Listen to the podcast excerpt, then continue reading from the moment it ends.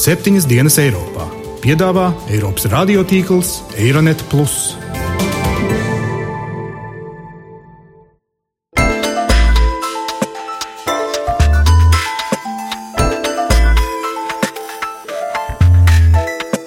Šonadēļ septiņas dienas Eiropā dzirdēsim. Zaļie un zemnieki vienā partijā laikam ir tikai vēl Austrijā. Feminisms ir akūti nepieciešams vīriešiem. Viens no ietekmes formātiem ir zaudēts. Protect women against violence.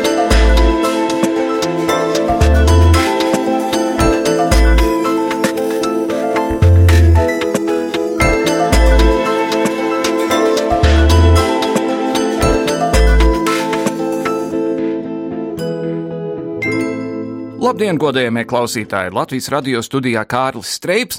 Sveicināti raidījumā septiņas dienas Eiropā, kur stāstām, kā Eiropas un pasaules notikumi ietekmē mūsu un kontinentu, kurā dzīvojam.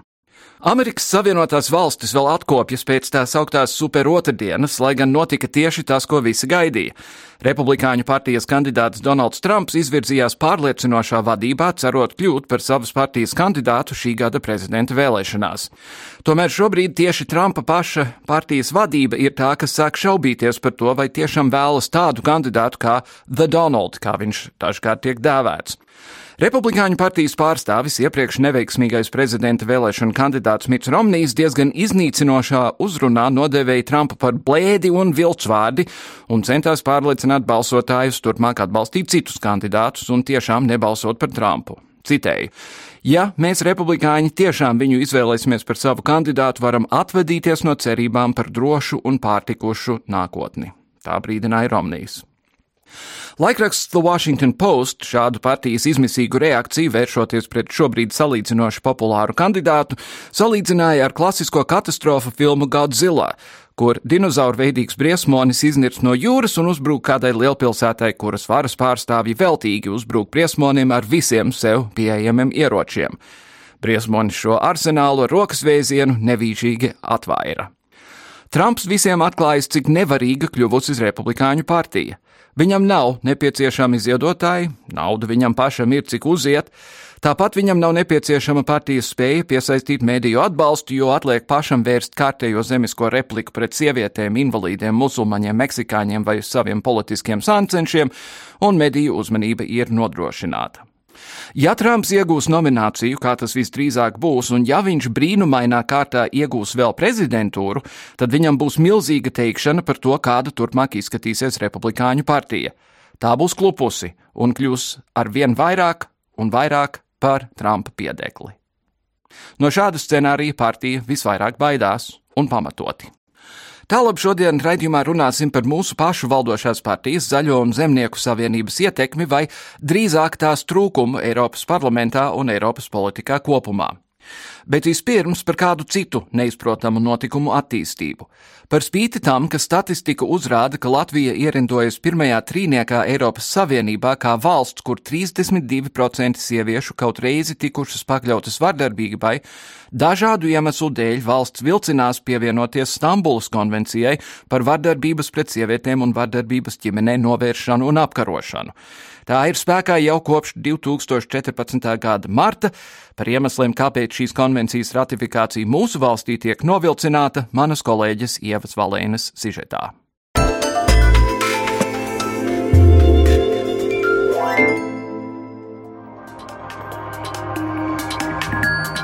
Latvijā ir viens no augstākajiem statistikas rādītājiem vardarbībā pret sievietēm Eiropas Savienībā.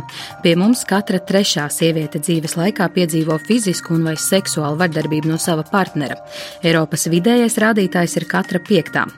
Apzinoties pret sievietēm vērsto vardarbību, Eiropas padomu izstrādāja konvenciju par vardarbības pret sievietēm un vardarbības ģimenē novēršanu un apkarošanu. To mēs plašāk pazīstam kā Stambuls konvenciju. Turpina Eiropas padomes parlamentārās asamblejas prezidente Anne Brasēra.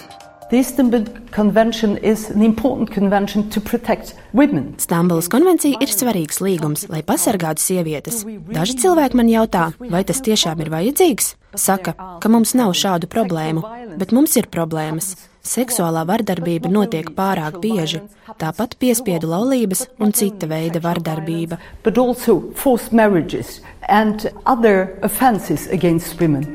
Stambulas konvencijas galvenie mērķi ir mazināt pret sievietēm un meitenēm vērstu diskrimināciju, aizsargāt no jebkāda veida vardarbības ģimenē, tāpat arī nodrošināt nepieciešamo palīdzību vardarbības upuriem.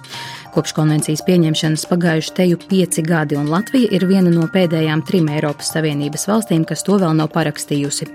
Tomēr likumdošanā ir ieviesta ieteikumiem, kas saistīti ar kriminālu tiesisko sadaļu, piemēram, pagaidu aizsardzība. Ja iepriekš upuris bija tas, kas biežāk pameta dzīves vietu vardarbības gadījumā, tad tagad mājas jāpamet varmākam arī gadījumos, ja mājoklis pieder varmākai. Jāpiebilst, ka pagājušā gadā to izmantojuši ap 200 upuru. Šos grozījumus pozitīvi vērtē resursu centrs sievietēm Marta, kas ik gadu palīdz ap 300 no vardarbības cietušām sievietēm. Turpina centra vadītāja Iluta Lāce. Daudzas lietas likumdošanā ir izdarītas. Ja mēs viņus ieviestu praksē, būtu labi. Protams, ir daudzas nianses, eh, pie kurām vēl varētu strādāt. Piemēram, tur savienot pagaidu aizsardzību ar kriminālu procesu un tādas niansētas lietas, nezinu, ko mēs redzam, kas būtu maināmas. Taču tā viena ļoti lielā nozīmīgā problēma, ko mēs redzam Latvijas sabiedrībā, ir attieksme, kur mēs joprojām vainojam upuri. Mēs vainojam to sievieti, kas ir cietusi no vardarbības, un nevis to varmāku, kas ir atbildīgs par šo vardarbību. Un to mēs redzam augstu amatpersonu izteikumos, viņu attieksmē.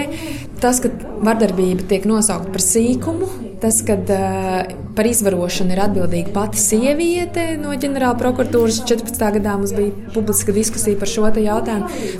Un šīs amatpersonas viņas izsakās un viņas dzīvo mierīgi tālāk. Nu, tas, kad ir šāda tāda vispārēja noniecinoša attieksme un kad netiek skatīts šis jautājums tādā nopietnā veidā, tas ir tas bremzējošais faktors. Tieslietu ministrijas parlamentārais sekretārs Jānis Ieselnieks nepiekrīt, ka būtu vilcināšanās ar konvencijas parakstīšanu. Jautājumu par krimināltiesisko sadaļu ministrijai nav, bet dažas nevalstiskās organizācijas ir izteikušas bažas par konvencijā ietverto vārdu dzimte, ko mēdz dēvēt arī par sociālo dzimumu. Tāpat organizācijas satrauc konvencijas 4. pants, kas saistīts ar diskrimināciju. Konvencijas anotācijā minēts, ka tas attiecas arī uz transseksuāļiem. Vēl organizācijas satraukusi doma, ka konvencija pavērs durvis uz vienzimuma laulībām.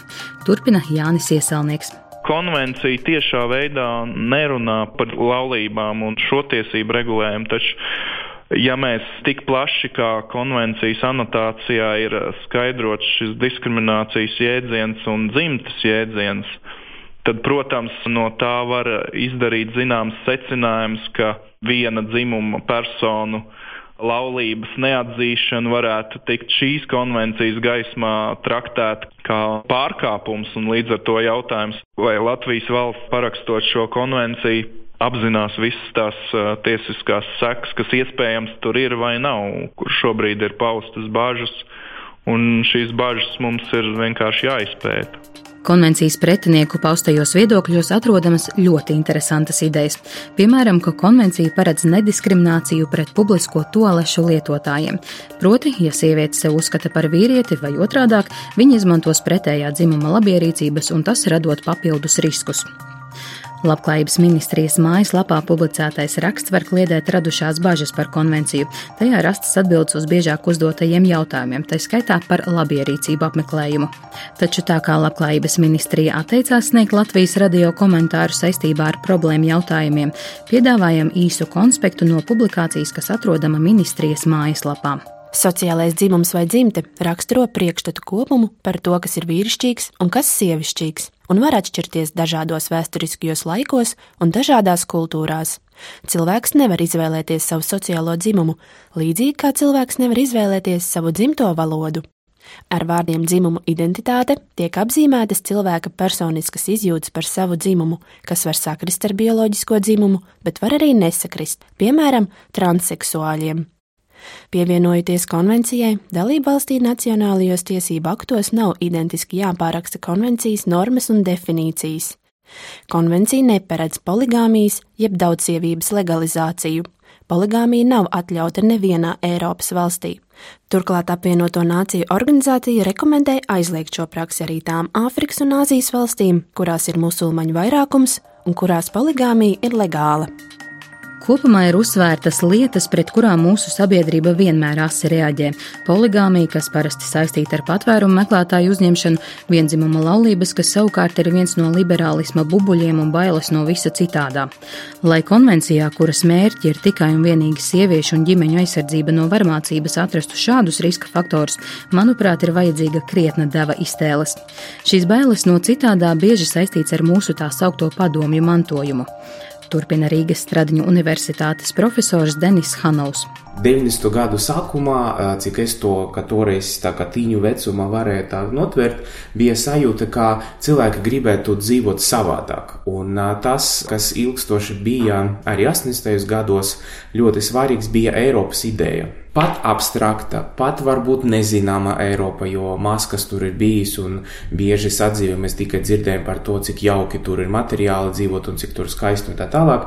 Cilvēkiem bija vēlme būt daļai no Eiropas, bet problēma ir tikai tāda, ka pēc šīs romantiskas vīzijas nāca realitāte un Eiropa nozīmē ne tikai brīvu tirgu un kustību un, un baudīt materiālus un kādus labumus, bet Eiropa nozīmē arī ļoti daudz citu procesu procesu, ko mēs bieži kā sabiedrība nevēlamies pieņemt. Un to vidu arī ir eh, cilvēktiesību kultūra kā universāla, nevis mūsu tiesības un viņiem, kas paliks pāri. Un mēs paši lemjam, kas ir viņi, ja? un mēs paši lemjam, cik mēs viņiem dodam. Šobrīd esam pusceļā uz Eiropu. No vienas puses gribam būt Eiropeiska valsts, no otras tikko piemina vārdus partnerattiecības, sieviešu tiesības vai feminisms, tiek izvēlēta strausa taktika. Paslēpjam galvu smiltīs un izliekamies, ka problēmu nav. Lieki teikt, ka tās ir un nekur nepazudīs, kamēr netiks atrisinātas. Sieviešu tiesības ir aktuāla tēma. Vardarbība pret sievietēm ir aktuāla tēma un tā ir jārisina. Tieši tāpat kā daudzas citas, ko aizsāka feministu kustība. Turpina Denis Hanovs. Es domāju, ka mums ceļš daudziem vīriešiem eh, šai sabiedrībai jāmaina attieksme pret feminismu. Feminisms ir akūti nepieciešams vīriešiem.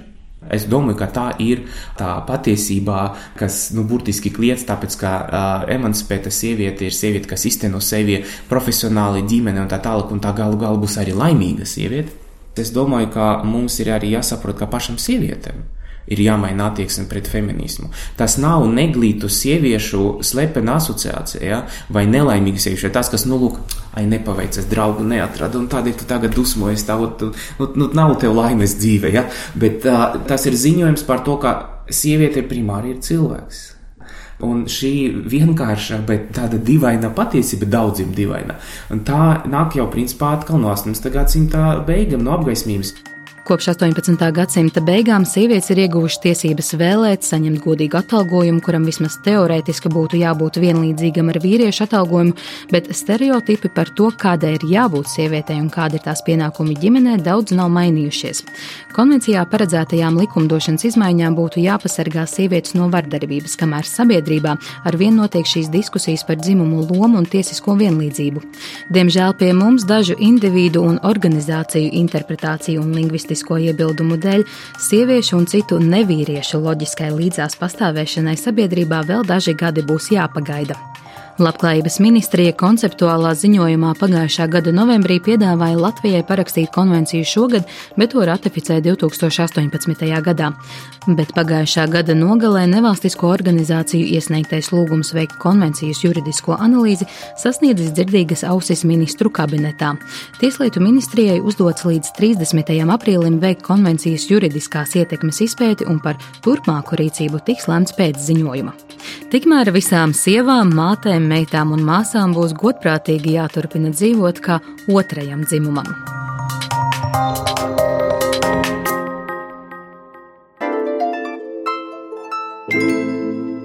Kāds politisko procesu pārzinātājs mums nesen salīdzināja premjeru Kučinski ietekmi un vietu Eiropā ar deputātu kaimiņa vietu saimā. Kopš izstājās no reģiona apvienības, viss, ko spēja, ir sūdzēties par to, ka nosēdināts pārāk tuvu toletēm. Spriedīsim par to, vai ar jauno valdību Latvija nonākusi lielākā Eiropas politikas perifērijā, un vai fakts, ka Zaļo un Zemnieku savienība nav pārstāvēta nevienā no lielajām Eiropas politiskajām partijām, mazina mūsu ietekmi Eiropas parlamentā. Studijā Latvijas ārpolitikas institūta direktora vietnieks pētnieks Kārlis Bukovs. Dombrovskis. Labdien! Labdien! Kā tad ir ar šo lietu? Jo vienotība vienmēr bija tautas partijas Jā. uh, ietvaros, tā Jā. teikt. Zaļos zemniekus uh, Eiropas parlamentā pārstāv pietiekami dīvainā Iveta Grigula, kas mētājas šurpu turpu, un zaļie zemnieki bešā. Jā, nu te, te ir tas uh, knifs, ka Zaļo zemnieku savienība kā tāda esot savienība, viņa kā tieši pārstāvēta nav.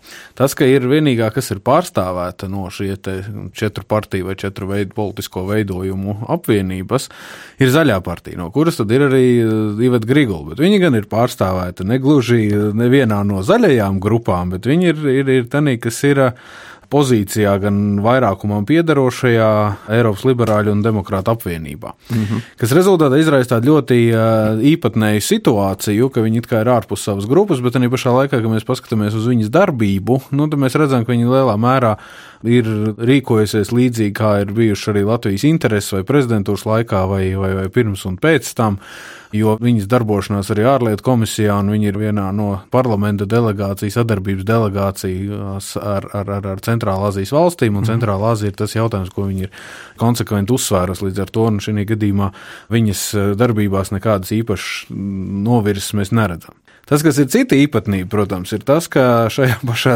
zaļo, zaļo grupā, kas ir um, vienā no ne tie, kas ir sociālisti, bet, bet otri tajā toties darbojās viena cita mūsu uh, Eiropas parlamenta deputāta, Ždanoks kundze, kas tur jau ir bijusi visus trīs sasaukumus, 8, 7, 8 sasaukumu kopš, uh, nu, tā kā respektīvi Latvija iestājās Eiropas Savienībā. Un rezultātā tas, protams, arī izraisa tādu ļoti uh, īpatnēju situāciju, jo viņi tā kā minoritāšu partijas pārstāve ir pārstāvēta arī grupā, kurā teorētiski vajadzētu būt Grigolas kundzei.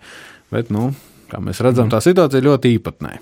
Un tas, laikam, arī vairāk nekā jebko pasaka, cik maznozīmīgi mūsdienās ir tādi jēdzieni kā liberāls un konservatīvs. Nu, zaļā partija tradicionāli ir bijusi tradicionāli izpratnē liberāli, zaļie zemnieki, nu nekādīgi nav liberāli tradicionālā izpratnē. Ždano, ka zaļa, nu labrīt. Nu, jā, Nē, nu šajā gadījumā tas, ka zaļie un zemnieki vienā partijā, tas jums absolūti taisnība ir. Jo nu, zaļie un zemnieki vienā partijā, laikam, ja es pareizi atceros, ir tikai vēl Austrijā pasaulē. Latvijā un Austrijā divās valstīs, kur kaut kāds sajaukums mēdz būt, jo tieši tā zaļie parasti ir par ekoloģiju un tā tālāk, kamēr zemnieki atkal ir negluži vienmēr par ekoloģiju un zaļo ražošanu, viņi mm. ir mhm. vairāk par masveidu ražošanu, izmantojot arī dažādākos palīgu līdzekļus, kas zaļajiem nepatīk. Es par Austriju nemaz nezināju. Man vienmēr likās, ka mūsu mazā valstiņa vienīgā, kur tāda. Nē, nē, nu, ja es nekļūdos, tad tā arī bija, ka Austrija bija otra, bet te ir tas elements, ka Latvijas gadījumā lauksaimniecība bieži vien ir saistījusies ar šo to ekoloģisko un zaļais, un tas ir mūsu domāšanā jau, nu, kopš, nezinu, straumēnu laikiem un, un upīšu laikiem ka šis aspekts ir, ir, ir saglabājies un tas arī nodrošinās šai partijai. Bet tas lielais izaicinājums, kas attiecās uz visu šo procesu, ir tas, ka gan Kučīnska kungs, gan arī vēl viens otrs cits ministrs, kas mums šobrīd ir, viņi jau nu, no Zaļo zemnieku savienības, viņi jau pārstāv pat ne Zaļo partiju un ne arī zemnieks. Viņi pārstāv reģionālās partijas vai Liepais partiju vai Latviju un Ventspilī kas rezultātā izraisa vēl komplicētāku situāciju. Jo katru reizi, kad ir kaut kādas uh, diskusijas, kas parasti tā ir pirms lielām sanāksmēm, ir diskusijas, kurās tiekās konkrēto politisko grupu piedarošie cilvēki, ministri no dažādām valstīm un tā tālāk. Kas rezultātā noved pie tā, ka nu, šie konkrētie politiķi viņiem īsti nav ar ko tikties, jo viņi, viņu partijas, reģionālās partijas noteikti nekam nepiedara, un arī īsti kā zaļās partijas pārstāvi viņi nav, viņi nav pievienojušies un tā tālāk. Rezultātā, protams, viens no ietekmes formātiem ir zaudēts. Nu ja, tā tad bijušais Valmieras mērs no Liepājas partijas tagad pārstāv zaļos zemniekus. Jā. Jā, arī sanāk. Cik svarīgi ir tas, ka ir šī aizmugure Eiropas parlamentā? Vai, vai tas, teiksim, vai vienotībai līdz ar to bija vieglāk savu politiku bīdīt tur cauri? Cik nu, cik nu Latvijai vajadzīgs kaut ko bīdīt Eiropas parlamentā? Nē, nu vienotībai, vienotībai pilnīgi noteikti. Nu, ja mēs paskatāmies uz uh, to pašu prezidentūras laiku, tas bija laikam visakūtākais nu, periods, kad tomēr šī te uh, politisko grupu klātbūtne un atbalsts bija ļoti svarīgs Eiropas parlamentā, lai ļoti daudzos trialogos arī varētu darboties. Līdz ar to tas bija tādā ziņā ļoti noderīgi. Protams, ka tas ir noderīgi arī tik ilgi, kamēr nu, mums nav prezidentūra. Jo te ir ļoti elementāra situācija, ka konkrētie politiskie spēki, viņi tomēr ir Eiropas parlaments, ir viens no diviem lielajiem lēmumu pieņēmējiem. Šī te darbošanās lielākajā politiskajā grupā, kas ir šie te nu, tā saucamā EPP vai Eiropas Tautas partija vai Kristīgie demokrāti ka viņi nodrošina ļoti daudz klātbūtnes un ietekmes šajā politiskajā grupā, kas attiecīgi ļauj arī ļoti daudz un bieži lobēt arī valsts intereses. Neskatoties uz to, ka, protams, tā ideja ir, lai valsts intereses netiktu lobētas un tā tālāk, bet, nu, toties šī pārstāvība, viņa ir ļoti nozīmīga. Un, protams, jau brauc uz Eiropas parlamentu ministri un premjeri, kas pārstāv konkrēto politisko partiju, viņi jau principā var savā veidā rēķināties ar to, ka šī politiskā grupa viņus tik ļoti netirpinās par, par katru mm. jautājumu. Varbūt pat uzsauks vakariņas, tā teikt. Nē, nu tas ir tas, kas ir tajā neformālās sadarbības un pusdienas un vakariņas un brokastis. Brokastis ļoti bieži izplatītas, kad uh, pirms sanāksmēm tādas, tādas lietas notiekās. Un šis ir, šis ir konkrētais gadījums, ka vienotība jau bija diezgan labi sevi nopozicionējusi un bija nolikusi sevi tādā stāvoklī, kā arī šobrīd mums ir pāris deputāti, kā mēs redzam, kuriem ir diezgan nozīmīgos šobrīd ļoti aktuālos jautājumos iedot uh, iedota ziņotāja loma. Tur, tur tas jautājums par to, cik, cik aktīvi un neaktīvi tas ir ļoti būtiski. Kāda ir tava spēja pozicionēties konkrētās grupas ietvaros un, mm -hmm. attiecīgi, arī aizstāvēt konkrēti savus, varbūt valstī tuvākas un svarīgākas intereses. Atgādināsim klausītājiem, kas ir jēdziens ziņotājs Eiropas parlamentā. Ziņotājs ir tas, kurš par konkrēto jautājumu sagatavo Eiropas parlamenta skatījumu, kas tiek tirzāts un kurš principā to jautājumu vienkārši virza cauri, mm -hmm. viscaur lēmumu pieņemšanas procedūrai līdz pat, līdz pat trialogiem. Nu, līdz viņš tiek pieņemts vai viņš tiek līdz galam noraidīts. Smalkākā franču vārdā rapportūra. Jā, tieši tā. Un tas ir atbildīgs ir. uzdevums jebkuram tas cilvēkam. ir, es, man, manuprāt, tas vispār ir pats pats atbildīgākais uzdevums, ko vien Eiropas parlamentā var dabūt cilvēki, kas ir, zinī, gadījumā deputāti un kuriem ir kaut kāda ietekme un, un, un, un vara pār jautājumu. Jo, principā, ziņotājs, viņš ir tas, kurš to gala variantu iedod ir rentie priekšlikumi, kas nāk no daudziem un citiem, un viņiem ir jāņem viņi visi vērā vai jāatsijā nos tos, ko neņemt vērā. Un tur ir pat tā, ka ir konkrētie gadījumi, kā te jau viens otrs mūsu Eiropas parlamenta deputāts arī stāstīja no, no ziņotājiem, ka ir nu, ap 7000 dažādu priekšlikumu ienāk par vienu konkrēto dokumentu. Nu, tad, attiecīgi, tas, kas ir tas ziņotājs, tas arī pieņem lēmumu par to, kur un kādā veidā to visu virzīt, ko akceptēt, ko neakceptēt, un tā tālāk, ko virzīt tālāk, kā vienoties. Līdz ar to viņš ir principā atslēgas figūra. Viņš ir atslēgas figūra šajā gadījumā Eiropas parlamenta darbībā. Tās, ka, protams, vēl ir arī pāris citi ļoti nozīmīgi amati, kurus nu, Latvijas pārstāvi vēl īsti nav ieņēmuši, izņemot, laikam, Roberts Zīle bija pirms tam viens no grupas priekšsēdētāju vietniekiem. Un ir arī bijuši pāris gadījumi, kad ir, ir komiteju vietnieki bijuši, bet uh, principā nu, Eiropas parlamenta prezidents, kas Latvijas gadījumā nav bijis, nu, no Austrum Eiropas mums, kā zinām, ir bijis tikai viens līdz šim tādu politisko grupu vadītāji. Tur arī mēs neesam bijuši, bet nu, konkrētajā grupā un augstā amatā esam bijuši. Nu, tas pats attiecās arī uz eh, Eiropas parlamenta viceprezidentiem, visiem 14, kuri kā, nu, ar mums nevienam loma vēl līdz šim tāda nav bijusi. Bet tas nāk ar laiku, tas akumulējas. Ir pirmkārt jau jautājums, tas skatās pēc kvalitātes.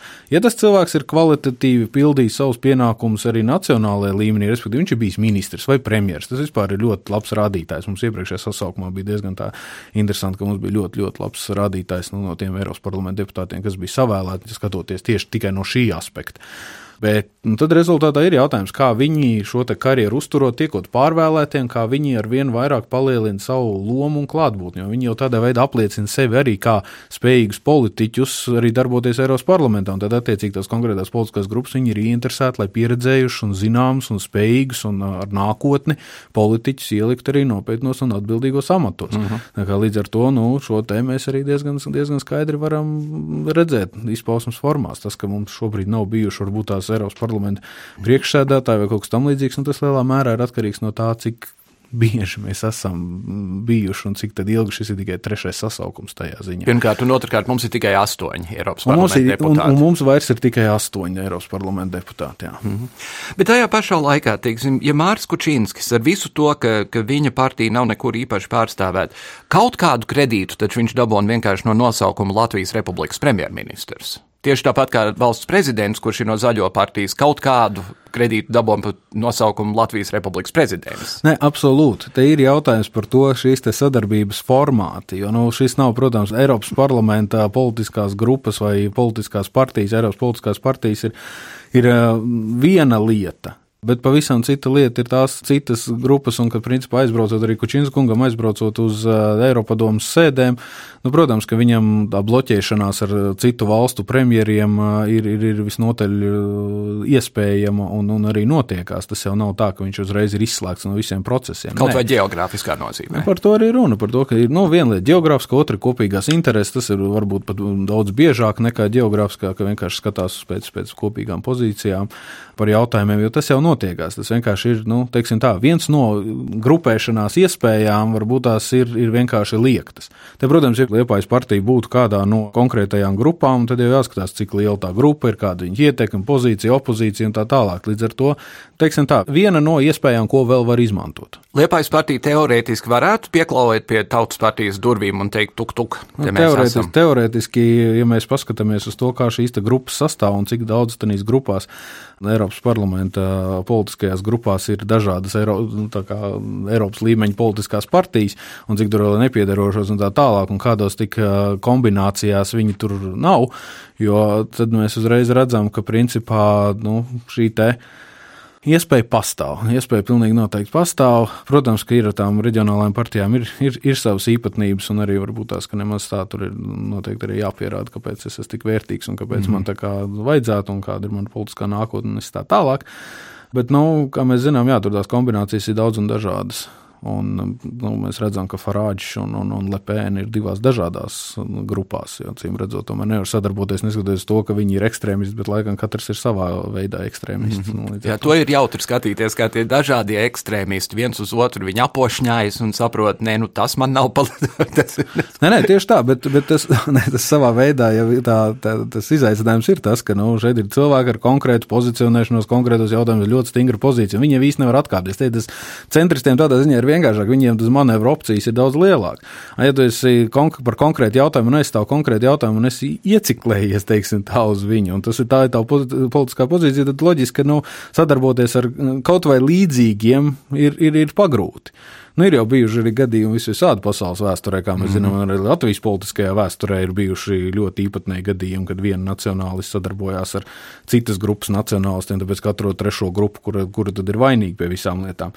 Nu, un rezultātā, protams, ka šīs te parādība, ko mēs redzam Eiropas parlamentā, arī ir tā, ka nu, viņu attiecīgi vadītāju un konkrēto partiju skatījumi un, un, un, un personīgie politiskie ego, ja tā var izteikties, viņi ir pietiekami atšķirīgi, lai viņi nevēlētos būt vienā mm -hmm. grupā. Kas no otras puses, atkal, ja mēs paskatāmies tā nu, no ilgspējīgas un sabiedrībai noderīgas politikas viedokļa, tad um, tas jau nemaz nav tas sliktākais variants, ka viņi tomēr nespēja sadarboties, jo tādā gadījumā viņi vienkārši ir divas vājākas grupiņas, nekā viņi būtu viena liela stipra. Mm -hmm. Cik svarīgi ir vai nav Māra Kučīnska angļu valodas zināšanas? Nu, tas ir absolūti un noteikti pilnīgi svarīgs jautājums, tikai tāpēc, ka ņemot vērā visus neformālos tikšanās veidus un dažādākos saziņas veidus, angļu valoda ir, ir absolūti svarīga tas, ka ļoti bieži, nu, ko mēs arī šajos platumgrādos arī varbūt tās nav tik izplatīts, ir franču valodas zināšanas, bet tiklīdz zini franču valodu vai vēl vācu valodu, tad uzreiz šīs sadarbības iespējas paplašinās nu, eksponenciāli. Mm -hmm. Un šī gadījumā, ja tu nezini pašu pamatu, kas ir angļu valoda, tad nu, ir kā ir. Ja Kučinskungs būtu Eiropas parlamenta deputāts, nu, mums jau ir bijuši gadījumi. Eiropas parlamentā visu tulko uz vienu no oficiālajām Eiropas Savienības valodām. Un rezultātā viņš varētu arī savu darbību veikt arī latviešu valodā, bet tas, ka mums ir šī gadījumā divi citi formāti. Tulkošana tur tāpatās notiekās, bet nu, ir jau arī darba valodas un ir neformālās darba valodas. Līdz ar to nu, valoda ir instruments. Ja tu viņu, tas jau nekas cits vairs nav. Tas ir instruments, lai veicinātu savus intereses, savu pozīciju, paust un tā tālāk. Ja tu to instrumentu nepārvaldi, tev vienkārši ir par vienu instrumentu mazāk. Mm -hmm. Un šis ir šausmīgi būtisks.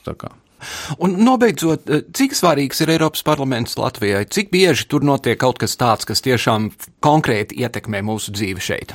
Nu, tas ir laikam jautājums, kur uzdot pirms burtiski katrām Eiropas parlamenta vēlēšanām par to, vai iet uz vēlēšanām vai neiet, un eh, cik tad ir Eiropas parlamenta. Kā es teicu, Eiropas parlaments ir viena no divām lēmumu pieņemšanas institūcijām Eiropas Savienībā, no divām galvenajām. Respektīvi, mums ir ministru padoma un mums ir Eiropas parlaments. Komisija šajā gadījumā ir likumdošanas iniciators, un viņi dabiski kļūst par vienu no lēmumu pieņēmējiem, bet vairāk neformālā veidā nekā viņi to dara formālā. Līdz ar to konkrēta cilvēku klātbūtnē vai esot ziņotājiem, ir ceļš esot ziņotājiem, bet ar ietekmes nodrošināšanu no Latvijas viedokļa tas nav runa tikai par atpazīstamību un, un, un profesionālitātes parādīšanu un, to, ka, un piederības sajūtu kā tādu Eiropai.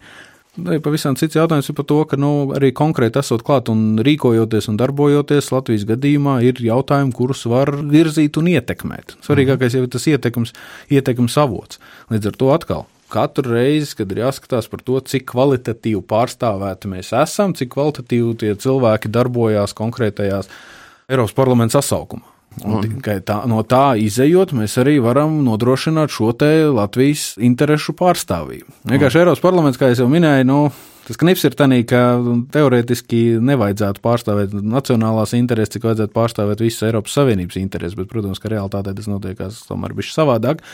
Un tad līdz ar to katrs mūsu Eiropas parlamenta deputāts, kurš darbojās Latvijas uh, pozīcijā un Latvijas interesēm atbilstoši, ir tikai papildus ieguvums. Jo mm -hmm. ņemot vērā, ka viņu skaits tāpat ir 8 no 751. Jā.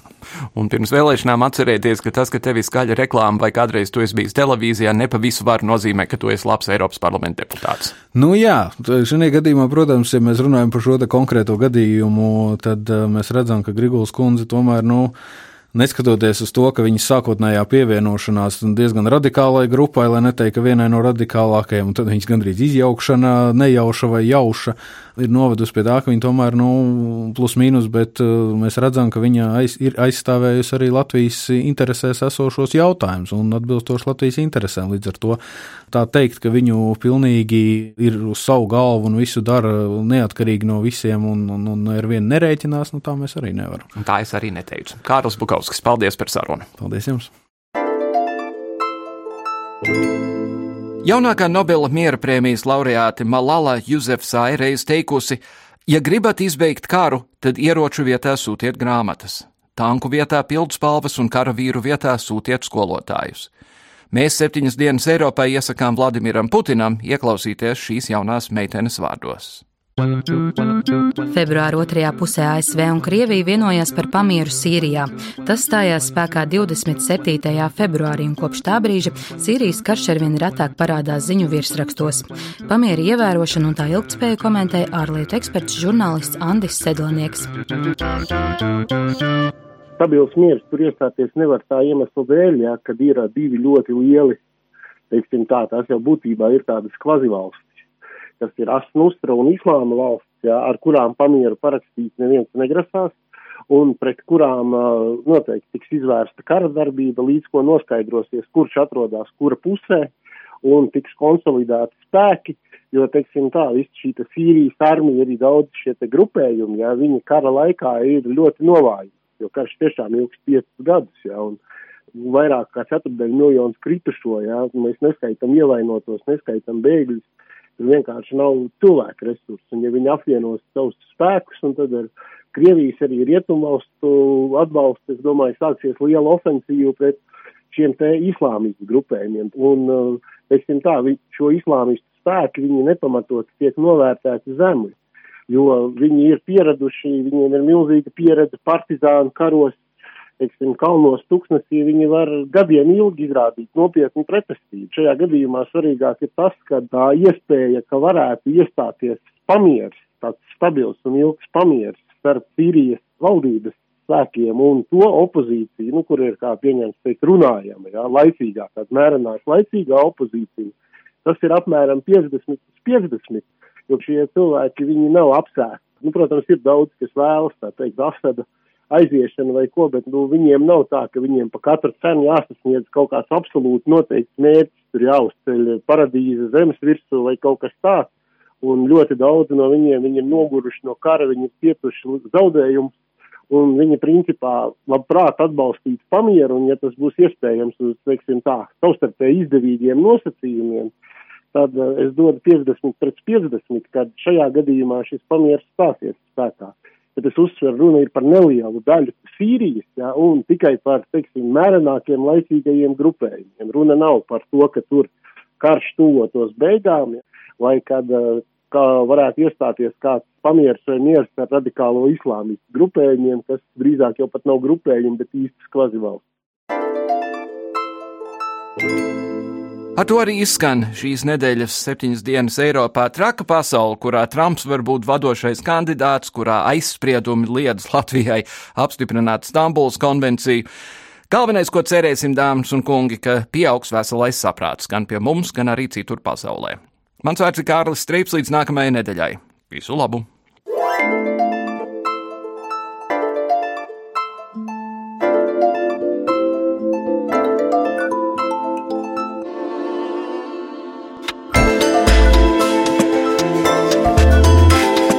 Raidījumu veido Kārlis Streips, Ieva Valēne un Jānis Krops. Raidījuma producents Lukas Rozītis.